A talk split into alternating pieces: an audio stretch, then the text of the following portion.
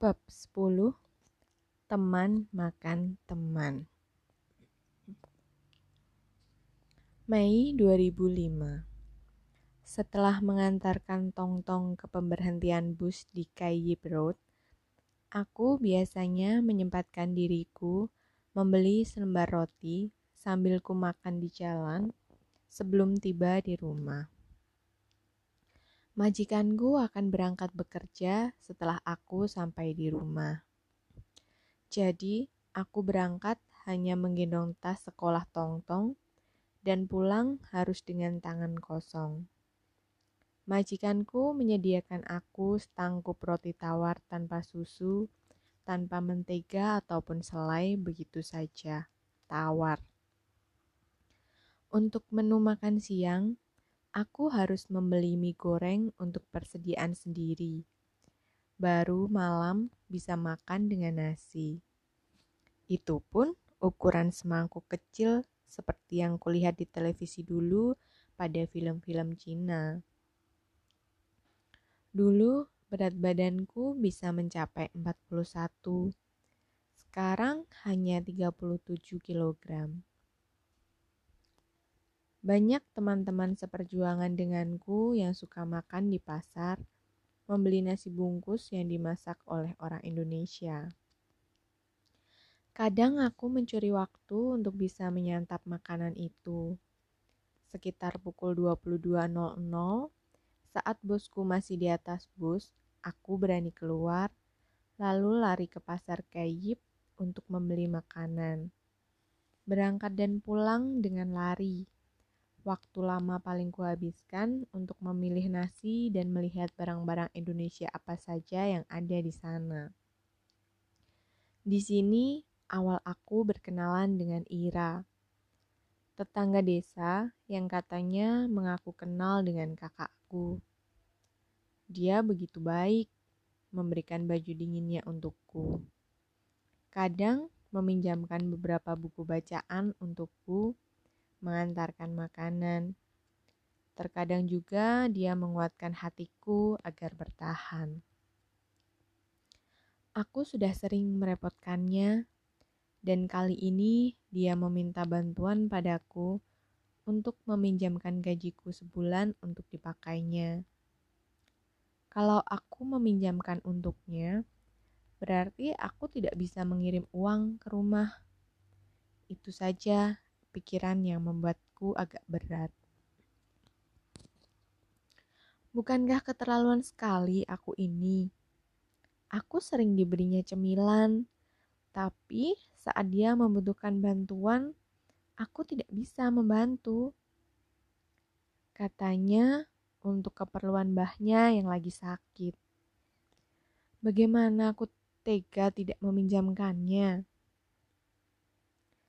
Hingga pada suatu pagi, saat aku ingin membeli, membeli nasi untuk makan, Mbak Ira tidak lagi pernah kelihatan. Dua orang yang selama ini sering mengawasiku memperhatikan gerak-gerik resahku. Mereka mulai mendekatiku dan mulai berkenalan. Namanya Mila dan Wewe. Dua orang yang selalu kuanggap sebagai bidadari yang baik hati menolong waktu-waktuku selama di Hong Kong. Dua tahun tiga bulan kebersamaan kami. Setelah mengenal mereka, aku tidak lagi dekat dengan Mbak Ira. Mereka membongkar semua kedok Mbak Ira. Akhirnya, semua pemberian Mbak Ira aku kembalikan lagi. Aku berterima kasih dan mulai berhati-hati terhadap siapa pun yang memperlihatkan gelagat baik di awal, menjerumuskan di belakang. Gak semua orang yang kamu anggap baik itu baik beneran sama kamu, Dewi. Kata Kak Mila menceramahiku waktu itu. Mereka baik sama kamu juga punya alasan tersendiri Mungkin mereka tetangga desamu. Kamu merasa kalian merasa, kalian sedesa? Kenapa kalau dimintai bantuan gak mau menolong? Tapi ini Hong Kong, Dewi. Teman bisa makan teman sendiri. Awalnya aku memang tidak tahu pergaulan di Hong Kong. Namanya juga baru datang, masih menyesuaikan diri. Lambat laun, Kak Mila dan Wewe memberikan pemahaman. Ira itu utangnya di mana-mana. Dia minjem duitku aja belum dikembalikan, dibalikin. Sekarang mau minjem gaji kamu. Dia tahu gaji kamu itu underpay. Aku mengangguk. Gitu masih tega banget ngerjain kamu. Aku sama Wewe udah curiga lama sama Ira. Dia ngedeketin seseorang itu pasti ada maunya. Aku kasihan aja lihat kamu. Anak baru udah mau diperalat. Aku mendengarkan dengan seksama, masih tak percaya. Mbak Ira yang selama ini begitu baik, begitu memperhatikan kekuranganku, tapi ternyata memiliki maksud terselubung. Kamu kalau dapat libur jangan ke mana-mana, ngerti? Ikut sama aku dan Wewe aja. Kami gak bakal nyelakain kamu kayak Ira. Yang jadi korban Ira itu udah banyak banget, Deo. Dia janji bulan depan mau ngebalikin, tapi nol. Janji-janji doang. Pokoknya kamu di Hong Kong harus hati-hati sama orang siapa pun juga termasuk sama kita. Katanya tegas dan berwibawa. Kak Mila berhitung, berhidung mungil, bibirnya kecil, hitam manis dengan rambut di bawah telinga. Cantik, berponi, menarik, dan pintar. Aku mulai mengaguminya. Kamu sempat ditanya nggak paspor kamu di mana? Selidik Kak Mila padaku. Iya, tapi aku bilang pasporku dipegang agen. Jawabku menjelaskan sejujurnya. Baguslah, jawab Kak Mila singkat. Kamu tahu nggak paspor itu buat apa? Tanya Kak Mila dengan tatapan bola mata membulat. Lalu dijawabnya sendiri pertanyaan itu. Buat pinjam duit di bank, nanti kamu jadi saksinya, suruh tanda tangan juga. Nanti dia bisa kabur bawa duit itu, dan kamu yang keteteran bayar, padahal kamu nggak pakai. Itu sering banget kejadian sama anak-anak yang baru datang dari Indonesia. Ya Allah, Kenapa tega banget ya? Padahal sama-sama berjuang di negara orang, senasib sepenanggungan, seulu sehati.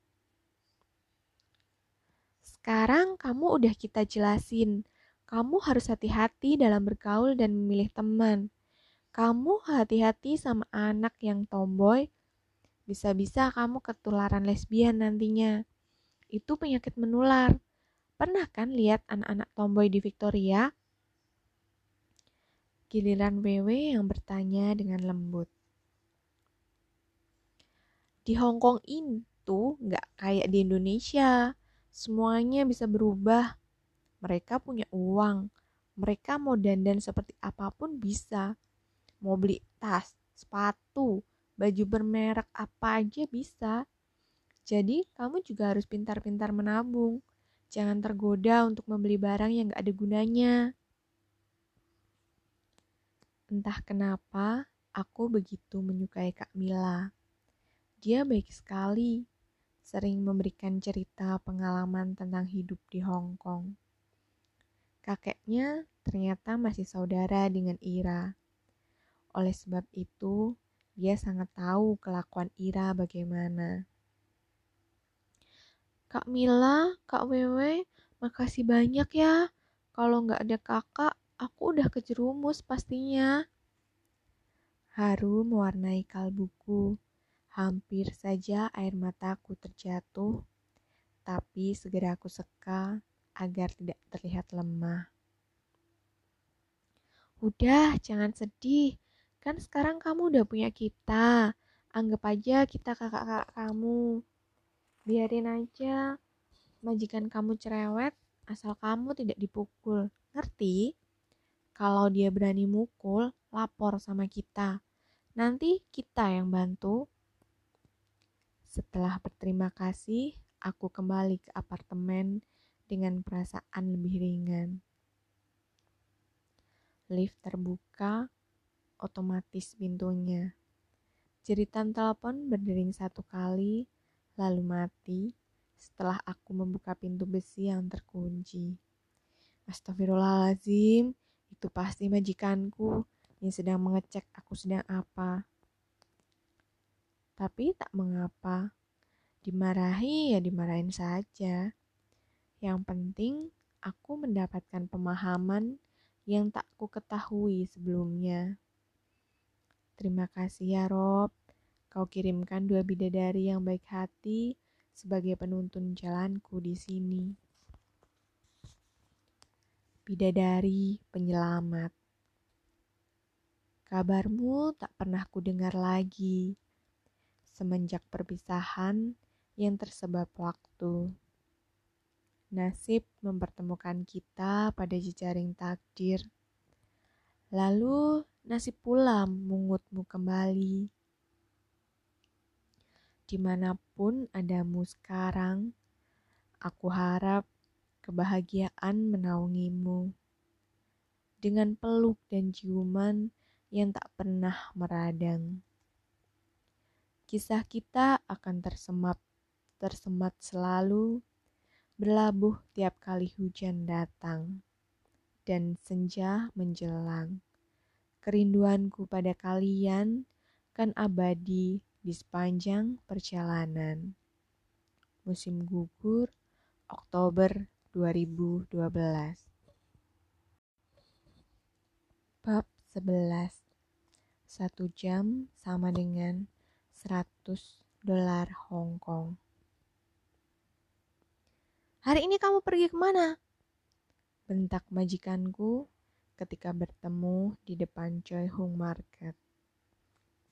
Aku sudah membaca Al-Fatihah tujuh kali tanpa nafas. Kata teman-temanku, itu cara ampuh menghadapi majikan yang cerewet. Tapi rasa-rasanya tidak mempan untuk majikanku. Ia malah semakin berang Laiknya Ecus Calabus yang sedang dipecut pantatnya oleh empunya. Menarik kakinya dengan gemuruh nyaring yang melengking, lalu menancapkan kakinya dan berlari kencang. Kamu itu pelacur, ngerti nggak? Awalnya aku tak tahu menahu arti kata pakpo. Aku bertanya ke Kak Mila, apa arti kata yang sering diucapkan majikanku itu. Begitu asing di telingaku dan baru ku dengar ketika dia marah-marah. Hatiku retak seribu ketika dia mengataiku pakpu. Lama-kelamaan, aku sudah terbiasa ketika dia menghinaku dengan cacian macam-macam. Majikanmu itu gila, gak usah dianggap dia mau ngomong apa. Kata Kak Mila sering bilang begitu, berusaha membuatku tegar. Aku telepon kamu berkali-kali, gak ada orang yang mengangkat. Gila kamu ya. Tangannya mulai menuding-nuding di sepanjang jalan menuju paca, pasar Choi Hung. Maaf nyonya, tadi aku ke kamar mandi, perutku sakit. Akhirnya, aku mulai berbohong demi menyelamatkan diri. Aku tidak percaya kamu, kamu berbohong. Katanya menghardik, lalu menetapkan sendiri peraturan. Aku potong gajimu seratus karena kamu berbohong. Kamu keluar tanpa seizinku.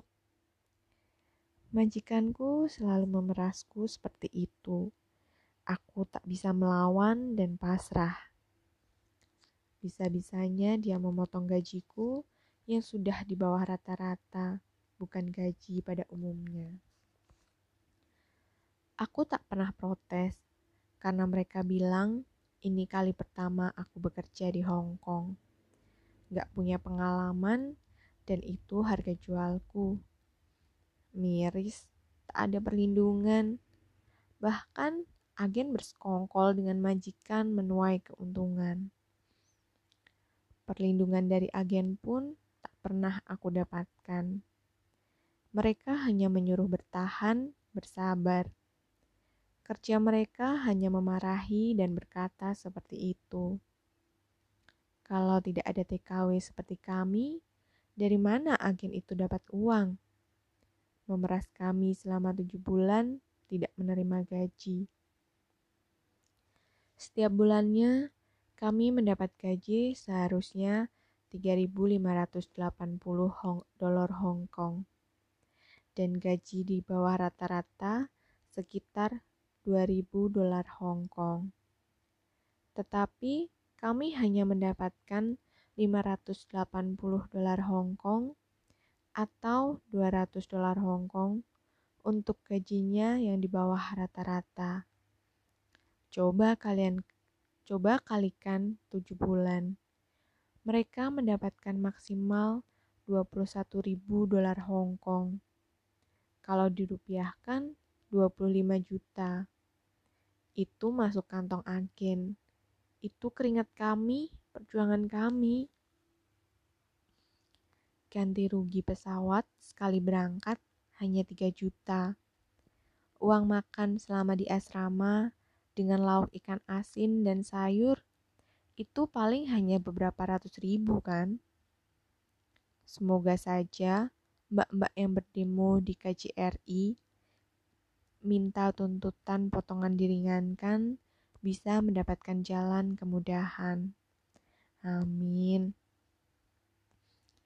Alasan gajiku underpay itu karena aku belum pernah bekerja di negara lain. Oleh karena itu, aturan yang berlaku dari agenku itu, gajiku di bawah rata-rata. Padahal, kalau ketahuan pemerintah mempekerjakan aku di bawah gaji rata-rata, agen tidak bertanggung jawab itu akan terkena sanksi. Aku tak pernah mau melapor. Cari amannya saja daripada hidupku tambah bermasalah seperti rumah dona yang dibakar di Indonesia. Tak habis pikir, licik sekali mereka. Aku juga mendapat kabar bahwa dua cecek yang bekerja di kantor agen mendadak keluar dan tidak tidak ingin bekerja dengan agenku lagi mungkin sudah tidak betah di bawah aturan dan kekangan kerasnya bos agen yang tidak punya perasaan itu. Dia kalau sudah jengkel bisa main tangan. Temanku pernah bercerita, ada satu cecek yang pernah juga kena tamparan karena cemburu. Dulu, Eyang yang tinggal di Semarang, ibunya bapak, paling mewanti-wanti agar aku jangan menjadi TKW. Beliau masih sanggup membiayaiku untuk sekolah lebih tinggi daripada menjadi TKW. Beliau sering nonton berita yang tidak mengenakan tentang TKW di Arab Saudi. Apa pun alasan yang aku utarakan, Eyang melarangku kerja jadi TKW. Menjelang kelulusan SMA, Eyang sakit stroke badannya mati separuh. Beliau memintaku datang ke Semarang. Aku ditemani sahabatku Tati dan teman dekatku Yoyo ke Semarang naik bus dengan membawa titipan jajanan untuk keluarga di Semarang. Waktu bel ku pencet, ia membukakan pintu simbah kakung. Aku tidak terlalu dekat dengan bah tiriku itu karena orangnya pendiam. Dia tidak menyukai keluarga kami yang katanya sering merepotkan Eyang. Sering membuat Eyang sakit jika mendengar permasalahan keluarga kami. Dia membatasi untuk berhubungan dengan kami. Aku mempersilahkan Tati dan Yoyo duduk di ruang tamu depan sedang aku sendiri masuk kamar Eyang. Selang menutupi seluruh tubuh Eyang. Tabung oksigen berwarna biru terletak di pojok kanan ranjang Eyang. Ada suster yang standby di sana. Eyangku memang meminta untuk dirawat di rumah saja. Eyang, ini Dewi, kataku pelan di telinga Eyang. Matanya berkedip-kedip pertanda mengerti. Eyang dapat salam dari ibu. Aku berbisik kembali. Eyang manggut-manggut kali ini. Setelah lulus, mau melanjutkan ke mana? Terbata-bata, Eyang mengeja kata itu. Bahkan di saat sakitnya, Eyang selalu memikirkan kami cucu-cucunya. Bekerja, Yang, kataku halus. Eyang menggeleng-geleng. Kamu harus kuliah. Aku hanya mengangguk-angguk mendengar perintah Eyang. Aku tak mau merepotkan Eyang lagi dengan biaya sekolahku. Eyang mau kamu jadi perawat. Eyang akan menyekolahkanmu. Hatiku telah basah oleh ucapan Eyang.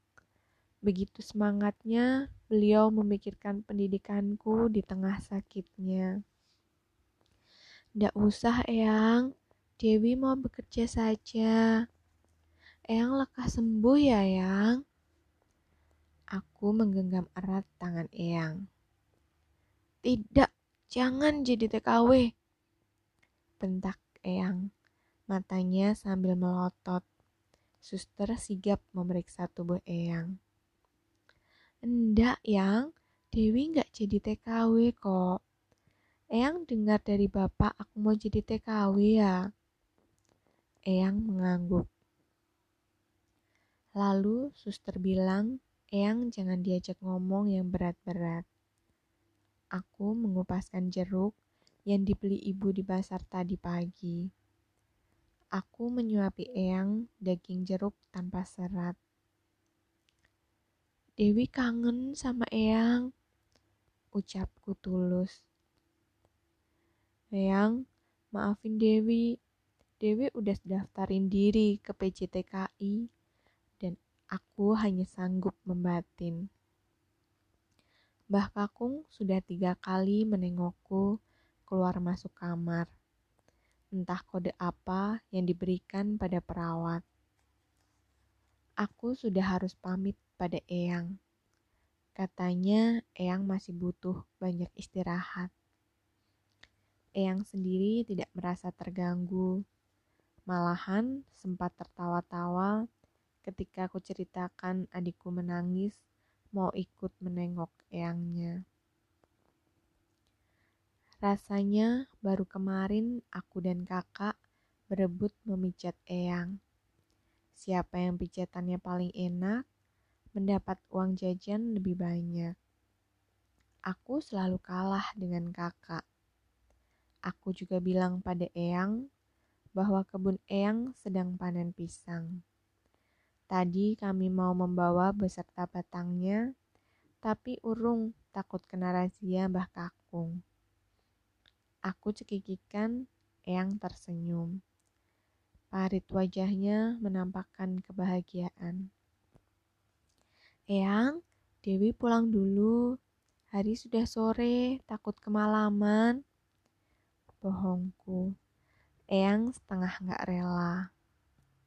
Kapan-kapan Dewi ke sini lagi, Yang.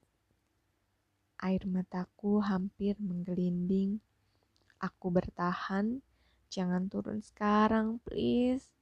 Ratapku ngilu. Itu terakhir kali aku bertemu Eyang. Terakhir kali bercanda dengannya, menyuapi daging jeruk. Walaupun tidak sampai 10 menit, tapi itu momen yang berharga buatku. Tanpa Eyang, kami tidak akan pernah merasakan enaknya buah apel. Tanpa Eyang, kami tidak pernah memakai baju yang layak.